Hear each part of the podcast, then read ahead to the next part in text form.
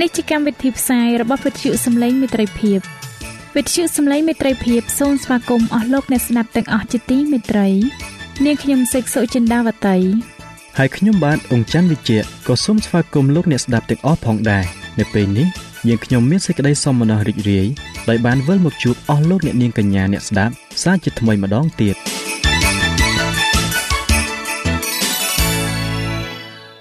ចា៎លោកអ្នកស្ដាប់ជាទីមេត្រី នាងខ្ញុំសូមគោរពអញ្ជើញអស់លោកលោកស្រីអ្នកនាងកញ្ញាតាមដានស្ដាប់កម្មវិធីផ្សាយរបស់វិទ្យុយើងខ្ញុំដូចតទៅ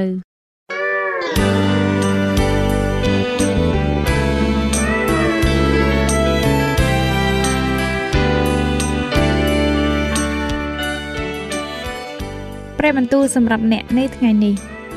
ព្រះគម្ពីរបទចម្រៀងសាឡូមោនជំពូក8ខ7បានចែងថា ទឹកជាច្រើនយ៉ាងណាក៏មិនអាចនឹងពន្លត់សេចក្តីស្រឡាញ់បានឡើយទឹកចំនួននឹងពន្លិចក៏មិនបានដែរទោះបើអ្នកណានឹងចំណាយទ្រព្យសម្បត្តិនៅក្នុងផ្ទះខ្លួនអស់រលីងឲ្យបានសេចក្តីស្រឡាញ់គង់តែអ្នកនោះនឹងត្រូវបានសេចក្តីមើលងាយទៅទេទៅទេវិញ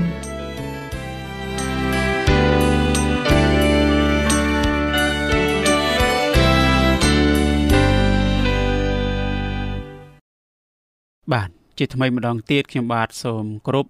និងជម្រាបសួរដល់អស់លោកអ្នកជាទីមេត្រីហើយក៏សូមស្វាគមន៍មកកាន់មេរៀនសបាស្គូលប្រចាំសប្ដាហ៍ដែលមេរៀនរបស់យើងសម្រាប់សប្ដាហ៍នេះ មានចំណងជើងថាសេចក្តីជំនឿ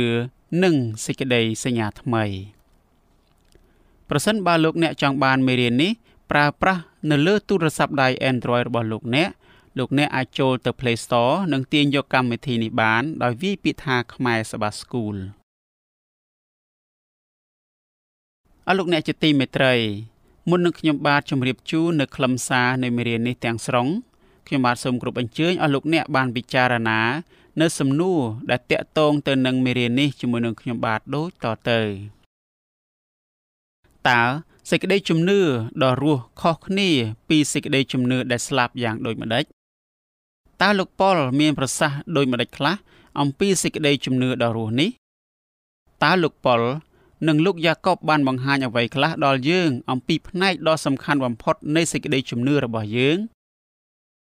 ព្រះទ្រង់បានសង្គ្រោះរាជរបស់ព្រះអង្គដែលស្ថិតនៅក្រោមសេចក្តីសញ្ញាចាស់តាមរបៀបដូចជាទ្រង់បានសង្គ្រោះយើងរាល់គ្នា ដែលស្ថិតនៅក្រោមសេចក្តីសញ្ញាថ្មីដែរគឺដោយសារសេចក្តីជំនឿតែមួយគត់ចុះ ប្រសិនបើអំពើល្អឬអ្វីផ្សេងទៀតសង្គ្រោះយើងបានវិញតើយ៉ាងដូចម្តេចដែរបើដូច្នោះមែនមានន័យថាព្រះជាម្ចាស់ជាអ្នកជំពាក់ជីវិតអស់កលរបស់យើងប៉ុន្តែព្រះជាម្ចាស់មិនបានជំពាក់អ្វីដល់យើងនោះឡើយមានតែមនុស្សទេ ដែលមិនយល់អំពីអំពើបាប និងមិនយល់អំពីលទ្ធផលរបស់បាបតែប៉ុណ្ណោះដែលគិតថាព្រះជំពាក់ជីវិតអស់កលដល់មនុស្សលោកនេះ ប្រសិនបើមនុស្សណាម្នាក់ជំពាក់អ្វីមួយដល់អ្នកណាម្នាក់ពិតជាមានមែនយើងរាល់គ្នាបានរំលងក្រឹតវិន័យរបស់ព្រះហើយហេតុនោះយើងត្រូវតែបង់ថ្លៃសម្រាប់ការរំលងនោះពិតណាស់យើងមិនអាចបង់ថ្លៃនោះបានឡើយប៉ុន្តែសូមសរសើរដំកើងដល់ព្រះជាម្ចាស់ត្បិតព្រះយេស៊ូវបានបង់ថ្លៃសម្រាប់យើងរាល់គ្នារួចរាល់ទៅហើយអរលោកអ្នកជាទីមេត្រី បរោះនិងស្ត្រីទាំងឡាយត្រូវតែព្យាយាមស្វែងយល់អំពីសេចក្តីសុគតរបស់ព្រះយេស៊ូវសម្រាប់ពួកគេឲ្យបានកាន់តែពេញលេញឡើងថែមទៀតនៅពេលដែលពួកគេធ្វើបែបនេះនោះផែនការនៃការសង្គ្រោះរបស់ព្រះនឹងคล้ายជាកត្តាសំខាន់យ៉ាងខ្លាំងនៅក្នុងជីវិតរបស់ពួកគេរៀងរៀងខ្លួនបន្ទាប់មកមនុស្សទាំងឡាយនឹងគិតអំពីភ្នំកាល់វ៉ារីកាន់តែច្រើនឡើងថែមទៀតនៅក្នុងជីវិតរស់នៅគំនិតទាំងនេះ នឹងចាក់បំពេញសេចក្តីស្រឡាញ់របស់ព្រះ ទៅក្នុងដួងចិត្តរបស់ពួកគេបបោមាត់និងដួងចិត្តរបស់ពួកគេនឹងពោពេញទៅដោយការសរសើរដំកើងដល់ព្រះជាម្ចាស់និងកូនជាមដ៏បរិសុទ្ធរបស់ទ្រង់កាលណាយើងគិតអំពីអ្វីដែលបានកើតឡើងនៅភ្នំកាល់វ៉ារីនោះអំនួតនឹងមិនអាចរស់នៅក្នុងដួងចិត្តរបស់យើងបានទៀតឡើយ តើអ្នកណាអាចនឹងវាស់សេចក្តីស្រឡាញ់ដែលព្រះយេស៊ូវមានចំពោះបាបជនទាំងឡាយខណៈដែលទ្រង់ជាប់ឆ្កាងនិងវេទនាដោយសារអំពើបាបរបស់យើងនោះគ្មានអ្នកណាអាចវាស់សេចក្តីស្រឡាញ់ដ៏ធំធេងនោះបានឡើយព្រះយេស៊ូវទ្រង់បានបង្ហាញថាសេចក្តីស្រឡាញ់របស់ព្រះអង្គមានអំណាចធំធេងជាងសេចក្តីសគត់នោះទៅទៀតព្រះយេស៊ូវបានសង្គ្រោះមនុស្សលោកខណៈដែលទ្រង់ជាប់នៅលើឈើឆ្កាង នៅទីនោះទ្រង់បានប្រយុទ្ធប្រឆាំងនឹងសាតាំងនិងពួកទេវតាអាក្រក់របស់វាប៉ុន្តែសេចក្តីស្រឡាញ់របស់ព្រះយេស៊ូវលូតលាស់ឡើងយ៉ាងខ្លាំងសម្រាប់មនុស្សលោកគ្រប់គ្នា បន្ទាប់មក ព្រះវរបិតាបានលាក់ព្រះភ័ក្ត្រចេញពីព្រះយេស៊ូវព្រះយេស៊ូវទ្រង់ស្រែកឡើងថាអោព្រះអង្គអោព្រះអង្គនៃទូលបង្គំអើយហេតុអ្វីបានជាទ្រង់ចោលទូលបង្គំ ទីបំផុត ព្រះយេស៊ូវបានស្រែកឡើងនៅចុងបញ្ចប់នៃការប្រយុទ្ធនឹងសេចក្តីអាក្រក់ថាការស្រេចហើយប្រាប់ដល់បណ្ដារបស់សពសារពើទាំងអស់ដែលទ្រង់បានបង្កើតមក អ្វីដែលបានកើតឡើងនៅកាល់វ៉ារី គួរតែបានធ្វើឲ្យដួងចិត្តរបស់យើងសង្វេគខ្លាំងណាស់លោកអ្នកក៏គួរតែមានការរំភើបចិត្តផងដែរគ្រប់ទាំងផ្លូវរបស់ព្រះយេស៊ូវសុទ្ធតែវិសេសទាំងអស់ទ្រង់សុចរិត នៅគ្រប់ទាំងផ្លូវទាំងអស់របស់ទ្រង់ទ្រង់បានរងទុក្ខក្នុងសេចក្តីសគត់ដ៏វេទនារបស់ទ្រង់ទ្រង់ព្រមទទួលទោសសម្រាប់អំពើបាបរបស់មនុស្សគ្រប់គ្នានៅលើលោកសន្និវាសនេះចិត្តគំនិតរបស់យើងនឹងមិនយល់អំពីបទពិសោធន៍របស់ព្រះអង្គនៅលើឈើឆ្កាងទាំងស្រុងនោះទេ យើងគួរធ្វើយ៉ាងណា ដើម្បីឲ្យគំនិតរបស់យើង បានផ្ដោតទៅលើសេចក្តីស្រឡាញ់របស់ព្រះអង្គឲ្យបានខ្លាំងក្លាបំផុត សេចក្តីស្រឡាញ់របស់ព្រះអង្គ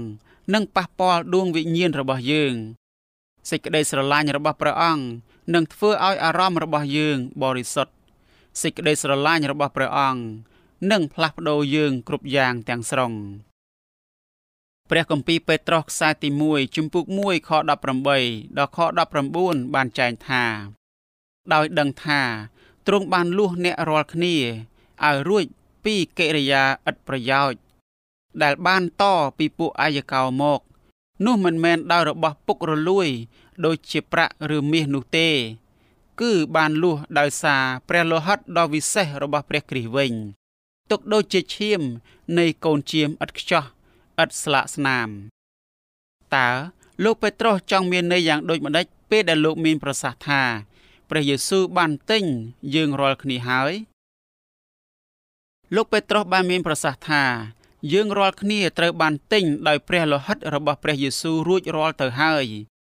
គោលគំនិតនៃការទិញជួយឲ្យយើងនឹកចាំអំពីរបៀបដែលធ្វើឲ្យទាសករបានមានសេរីភាពឡើងវិញ នៅក្នុងចំនួនព្រះគម្ពីរសញ្ញាចាស់នៅចំនួននោះទាសករនឹងត្រូវបានទទួលសេរីភាពឡើងវិញ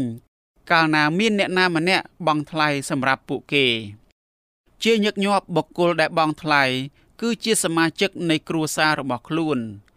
ព្រះយេស៊ូវក៏បានទិញយើងពីទាសភាពឲ្យរួចពីបាប និងសេចក្តីស្លាប់តាមរបៀបដូចគ្នានេះដែរសេចក្តីសញ្ញាទាំងអស់នៃព្រះគម្ពីរសុទ្ធតែតាំងឡើងលើសេចក្តីពិតនៃព្រះគម្ពីរតែមួយបើគ្មានព្រះលោហិតរបស់ព្រះយេស៊ូវទេសេចក្តីសញ្ញាជាមួយនឹងព្រះក៏គ្មានតម្លៃអ្វីទាំងអស់បើគ្មានលោហិតរបស់ទ្រង់ទេ ព្រះទ្រង់មិនអាចរក្សាសេចក្តីសន្យារបស់ទ្រង់បានដែរគឺជាសេចក្តីសន្យា ថានឹងប្រទានជីវិតអស់កលដល់អស់អ្នកដែលជឿដល់ទ្រង់យើងមានសេចក្តីសន្យាអំពីជីវិតអស់កល ដោយសារតែព្រះយេស៊ូវមានតែព្រះយេស៊ូវប៉ុណ្ណោះដែលអាចដោះស្រាយបញ្ហា ដែលធ្វើឲ្យយើងបាត់បង់ជីវិតអស់កល នៅក្នុងកន្លែងដំបូងព្រះយេស៊ូវដោះស្រាយបញ្ហាដោយរបៀបណាទ្រង់ មានព្រះជន្មនិងសគត់សម្រាប់យើងរាល់គ្នាព្រះជន្មដ៏បរិសុទ្ធរបស់ព្រះអង្គគឺជាលក្ខខណ្ឌតែមួយគត់ដែលអាចបង់ថ្លៃដែលយើងរាល់គ្នាជំពាក់ព្រះ សម្រាប់ការរំលងក្រឹតវិន័យរបស់ព្រះអង្គតម្លៃនេះបង្ហាញយើងថាអំពើបាបដែលបណ្ដាលឲ្យមានការញែកចេញ រវាងយើងនិងព្រះ គឺមានទំហំធំធេងខ្លាំងណាស់ចុះប្រសិនបើទេវតាមួយ ឬមនុស្សម្នាក់ អាចបង់ថ្លៃសម្រាប់ការរំលងក្រឹតវិន័យបានវិញតើវាយ៉ាងណាដែរដូច្នេះក្រឹតវិន័យរបស់ព្រះនឹងមិនមានតម្លៃច្រើនទេមែនទេ មានតែតួអង្គណាមួយដែលដូចជាព្រះជាម្ចាស់ទ្រង់ផ្ទាល់ទេទើបអាចបង់ថ្លៃនោះបាន មានតែព្រះជាម្ចាស់ទេទើបអាចធ្វើឲ្យយើងរួចពីការដាក់ទោសដែលយើងបានរំលងក្រឹតវិន័យនោះបានឈាមធ្វើឲ្យសេចក្តីសញ្ញាប្រែជាស្របច្បាប់ ព្រះត្រូវការឈាមដើម្បីរក្សាសេចក្តីសន្យានោះចំពោះយើង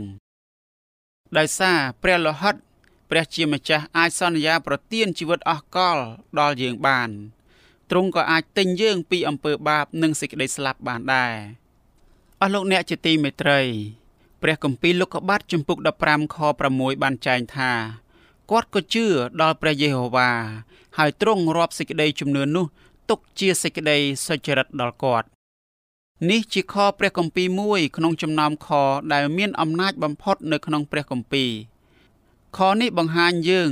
អំពីសេចក្តីពិតដ៏សំខាន់នៃព្រះគម្ពីរថាយើងរាល់គ្នាគឺបានសង្គ្រោះដោយសារសេចក្តីជំនឿតែម្យ៉ាងប៉ុណ្ណោះព្រះទ្រង់ទទួលយើងរាល់គ្នាដោយសារសេចក្តីជំនឿរបស់យើងក្នុងព្រះយេស៊ូវ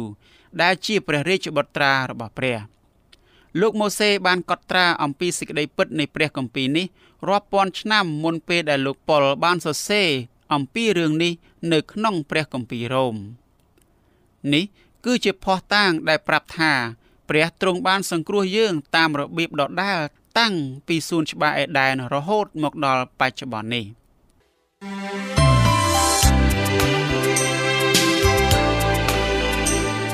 សេចក្តីជំនឿកើតឡើងដោយលឺហើយដែលលឺនោះគឺដោយសារព្រះបន្ទូលនៃព្រះតាមរយៈវិទ្យុ សំឡេងមិត្តភាព AWR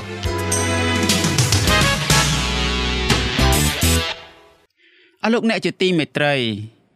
ព្រះគម្ពីរលោកុបាទជំពូក15ខ6ជួយយើងឲ្យយល់ថាសេចក្តីជំនឿរបស់លោកអាប់រ៉ាម គឺធំធេងខ្លាំងណាស់លោកជឿជាក់លើសេចក្តីសន្យារបស់ព្រះ ព្រះទ្រង់នឹងប្រទានកូនប្រុសដល់លោកអាប់រ៉ាមបើទោះបីជាលោកមានវ័យចំណាស់ណាស់ទៅហើយក្តី សេចក្តីជំនឿរបស់លោក បង្ហាញយើងថា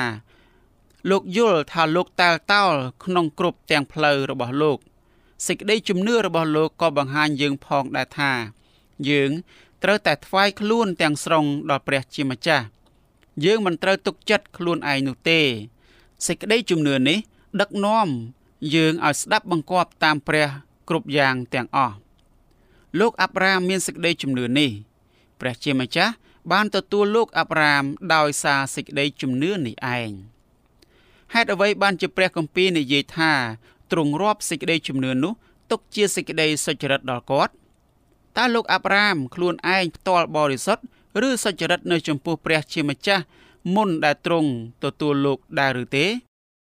មិនយូរប៉ុន្មានក្រោយពេលដែលព្រះទ្រង់ប្រកាសថាលោកសុចរិតហើយតើលោកអាប់រ៉ាមបានធ្វើអ្វីខ្លះ អស់លោកអ្នកជាទីមេត្រីលោកអាប់រ៉ាមបានរស់នៅប្រកបដោយសេចក្តីជំនឿនិងសេចក្តីស្ដាប់បង្គាប់ដល់ព្រះប៉ុន្តែ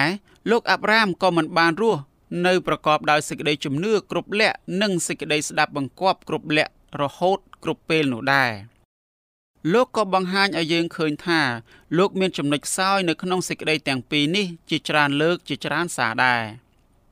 តើរឿងនេះដូចគ្នានឹងលោកអ្នក ដែរឬទេហេតុនោះយើងឃើញថាព្រះជាម្ចាស់ទទួលយើងដោយសារសេចក្តីជំនឿរបស់យើង មិនមែនដោយសារអកប្បកិរិយាល្អផ្ទាល់ខ្លួនរបស់យើងនោះទេ ព្រះជាម្ចាស់ទ្រង់អត់ទោសដល់អំពើបាបអតីតកាលរបស់យើង លើសពីនេះទៅទៀតទ្រង់បានបដូរកំណត់ត្រានៃអំពើបាបអតីតកាលរបស់យើង ជាមួយនឹងព្រះជន្មដ៏បរិសុទ្ធរបស់ព្រះយេស៊ូវវិញហេតុនោះឥឡូវនេះ ការស្ដាប់បង្គាប់និងសេចក្តីជំនឿរបស់ព្រះយេស៊ូវបានចូលមកជំនួសជីវិតចាស់របស់យើង ដែលរំលងក្រឹតវិន័យនេះហើយដូច្នេះពេលនេះ ព្រះទ្រង់ក្រឡេកមើលមកយើង នោះទ្រង់ឃើញព្រះយេស៊ូវនិងព្រះជន្មដ៏បរិសុទ្ធរបស់ទ្រង់ទៅវិញនោះហើយជាមូលហេតុដែលព្រះទ្រង់អាចប្រកាសថា យើងរាល់គ្នាបរិសុទ្ធក្នុងព្រះនេត្រទ្រង់ព្រះទ្រង់បានធ្វើបែបនេះជាមួយលោកអាប់រ៉ាម ព្រះទ្រង់ក៏នឹងធ្វើរឿងនេះដដែលសម្រាប់មនុស្សគ្រប់គ្នា ដែលមកឯទ្រង់ដែលមានសេចក្តីជំនឿដូចជាលោកអាប់រ៉ាហាំដែរអស់លោកអ្នកជាទីមេត្រីចូលយើងក្រឡេកមើលនៅខព្រះគម្ពីរលោកុបាទជំពូក15ខ6ក្នុងកំណែព្រះគម្ពីរផ្សេងផ្សេងមួយចំនួន ដែលមានដូចជាគាត់ក៏ជឿដល់ព្រះយេហូវ៉ាហើយទ្រង់រាប់សេចក្តីនោះទុកជាសេចក្តីសុចរិតដល់គាត់ ទាំងនេះបង្ហាញយើងអំពីរបៀបដែលព្រះធ្វើឲ្យយើងបានរាប់ជាសុចរិត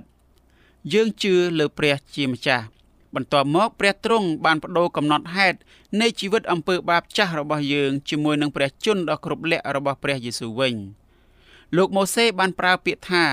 រាប់ជាសុចរិតក្នុងខគម្ពីរផ្សេងផ្សេងទៀតក្នុងសំណេររបស់លោកផងដែរនៅក្នុងខទាំងនេះ លោកម៉ូសេបង្ហាញយើងអំពីគំរូរបស់មនុស្ស ឬវត្ថុដែលត្រូវបានទទួលយកឬគិតថាមិនមែននៅក្នុងឧទាហរណ៍មួយរ៉ាជែលនិងលេអា បាននិយាយអំពីឪពុករបស់ខ្លួនថាគាត់បានចាត់ទុកយើងដូចជាអ្នកដតីដែលមានចែងនៅក្នុងព្រះគម្ពីរលោកុបាទជំពូក31ខ15ជាការពិតណាស់រ៉ាជែលនិងលេអាគឺជាបងប្អូនស្រីបង្កើតនឹងគ្នា នៅក្នុងឧទាហរណ៍មួយទៀត លោកម៉ូសេនិយាយអំពីដង្វាយដែលពួកលេវីត្រូវនាំយកទៅថ្វាយដល់ព្រះជាម្ចាស់លោកម៉ូសេបានប្រាប់ពួកលេវីថា ដង្វាយដែលឯងថ្វាយដោយលើកចុះឡើងនោះនឹងបានរាប់ទុកដូចជាស្រូវដែលទៅបនឹងបញ្ជាន់នៅទីលាន ហើយដូចជាទឹកទំពាំងបាយជូរដែលទៅបនឹងគៀបដែរដែលមានចែងនៅក្នុងព្រះគម្ពីរជនកណនីជំពូក18ខ27ជាការពិតណាស់អស់លោកអ្នកទាំងអស់គ្នា ដង្វាយនោះមិនមែនជាពោតទេ យើងរាល់គ្នាមិនមែនកើតមកបរិសុទ្ធនោះទេប៉ុន្តែ ព្រះទ្រង់បានទទួលយើងដូចជាមនុស្សបរិសុទ្ធពីព្រោះសេចក្តីជំនឿរបស់យើង លើព្រះរាជបុត្រារបស់ព្រះអង្គចូលសរសើរដំកើងអំពីអត្ថន័យនៃសេចក្តីពិតដ៏អស្ចារ្យនេះ ដែលព្រះទ្រង់បានសម្ដែងមកអ្នករាល់គ្នានៅក្នុងជីវិតប្រចាំថ្ងៃចុះសេចក្តីពិតដ៏សំខាន់នៃព្រះគម្ពីរគឺថា ព្រះជាម្ចាស់ទ្រង់រាប់យើងរាល់គ្នាជាបរិសុទ្ធយើងត្រូវបានរាប់ជាបរិសុទ្ធដោយសារសេចក្តីជំនឿរបស់យើង នៅក្នុងព្រះគុណដែលព្រះយេស៊ូវបានធ្វើសម្រាប់យើងរាល់គ្នា យើងមិនមែនត្រូវរាប់ជាបរិសុទ្ធដោយសារអ្វីមួយដែលយើងបានធ្វើដោយខ្លួនឯងនោះឡើយនេះគឺជាអត្តន័យដ៏ពិតប្រាកដអំពីការរាប់ជាសុចរិតដោយសេចក្តីជំនឿក្នុងព្រះយេស៊ូវប៉ុន្តែ តើសេចក្តីជំនឿរបស់យើងខ្លួនឯងអាចធ្វើឲ្យយើងបរិសុទ្ធដែរឬទេ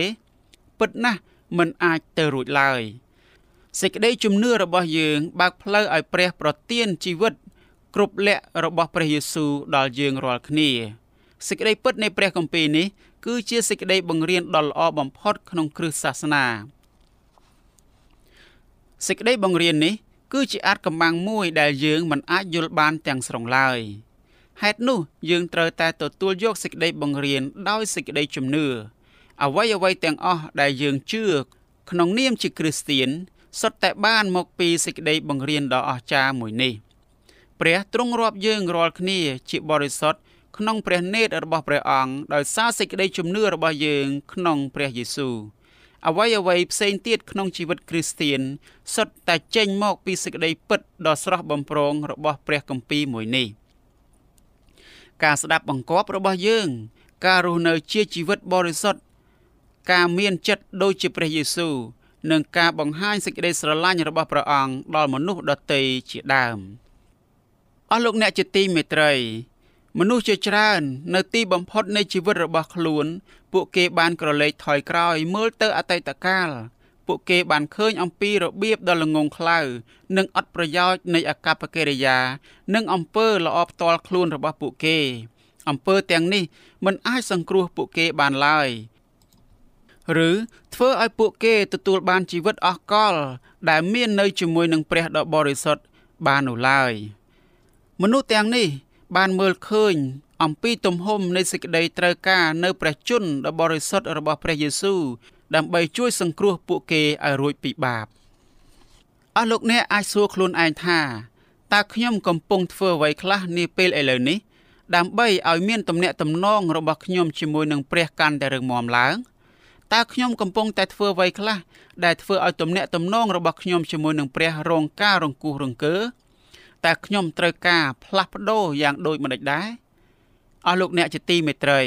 ព្រះជាម្ចាស់ទ្រង់អាចទទួលបាបជនបាន ដោយសារតែសេចក្តីជំនឿតែមួយមុខគត់បាបជនត្រូវការស្ដាប់បង្គាប់ដ៏គ្រប់លក្ខរបស់ព្រះយេស៊ូវ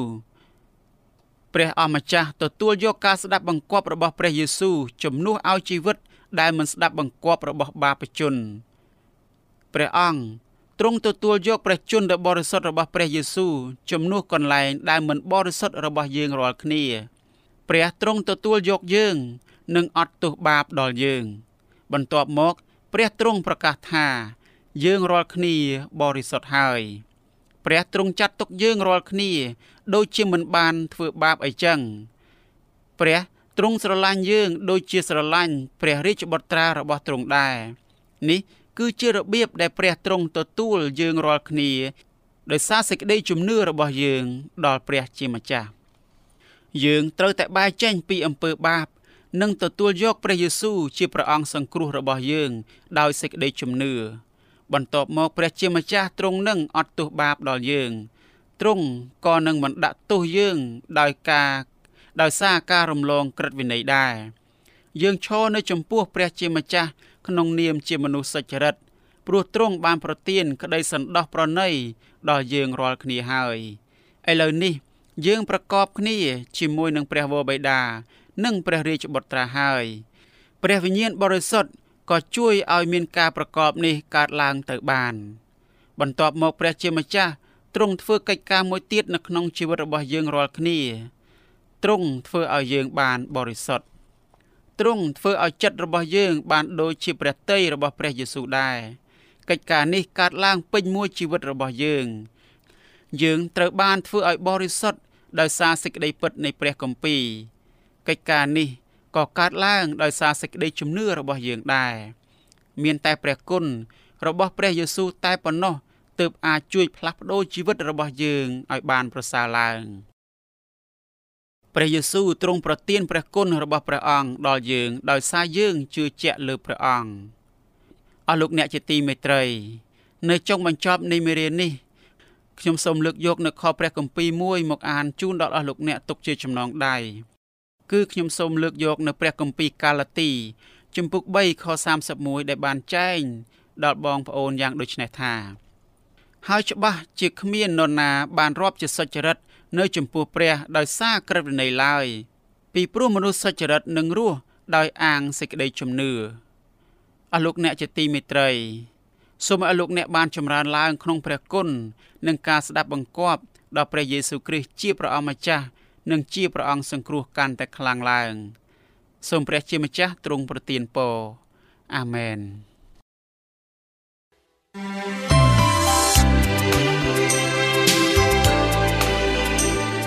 វិទ្យុសំឡេងមេត្រីភាព AWR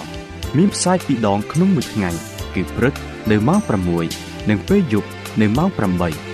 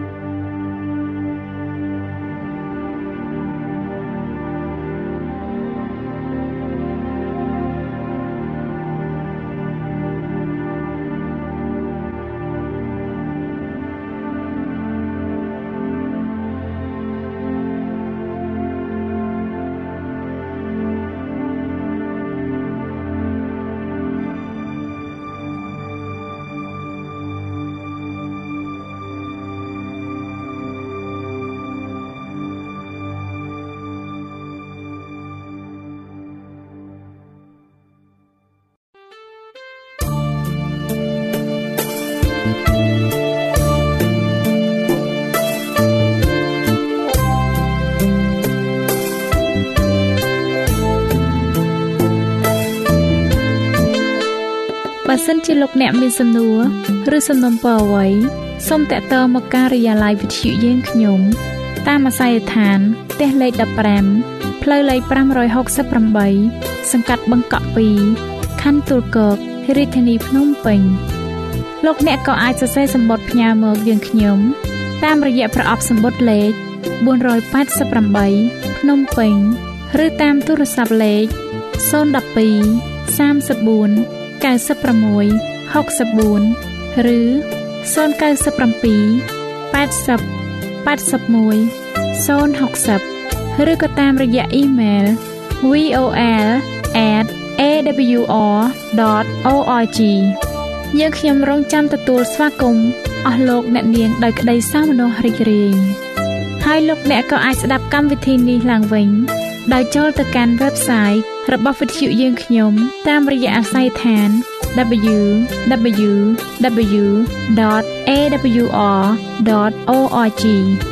លោកអ្នកនាងកញ្ញាជាទីមេត្រី កម្មវិធីផ្សាយរបស់វិទ្យុសំឡេងមេត្រីភាពនៅពេលនេះសូមបញ្ចប់តែប៉ុណ្ណេះយើងខ្ញុំសូមអរគុណចំពោះការតាមដានស្ដាប់របស់អស់លោកអ្នកតាំងពីដើមរហូតដល់ចប់យើងខ្ញុំសូមជូនពរឲ្យអស់លោកអ្នកនាងកញ្ញាទាំងអស់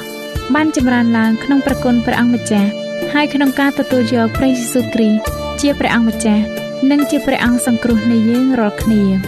នាទីផ្សាយរបស់វិទ្យុយើងខ្ញុំនឹងវិលមកជួបអស់លោកអ្នកសាជាថ្មីម្ដងទៀតនៅថ្ងៃស្អែកវេលាម៉ោងដដែលនាងខ្ញុំសេកសុចិន្តាវតីនិងខ្ញុំបាទអ៊ំច័ន្ទវិជ្ជៈសូមអរគុណសូមជម្រាបលា